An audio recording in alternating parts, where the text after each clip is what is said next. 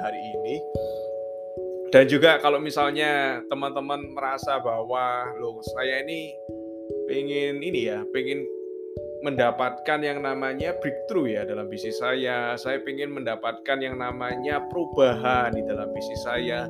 Saya pengen punya dampak ya kali ini saya pengen punya dampak gimana caranya ya how nah itulah alasan kita untuk ada di sini ya. Kalau misalnya teman-teman bertanya saya ini pengen merubah nasib saya tapi kok disuruh ikut seminar kok diminta ikut training kok diminta ikut yang namanya belajar ya?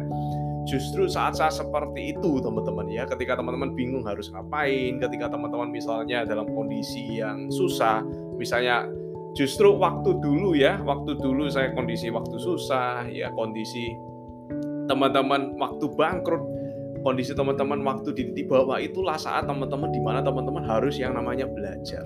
Harus yang namanya ikut banyak seminar harus yang namanya ikut banyak training ya. Harus ikut yang namanya banyak workshop belajar dari banyak mentor belajar skill-skill baru belajar pelajaran-pelajaran baru ya.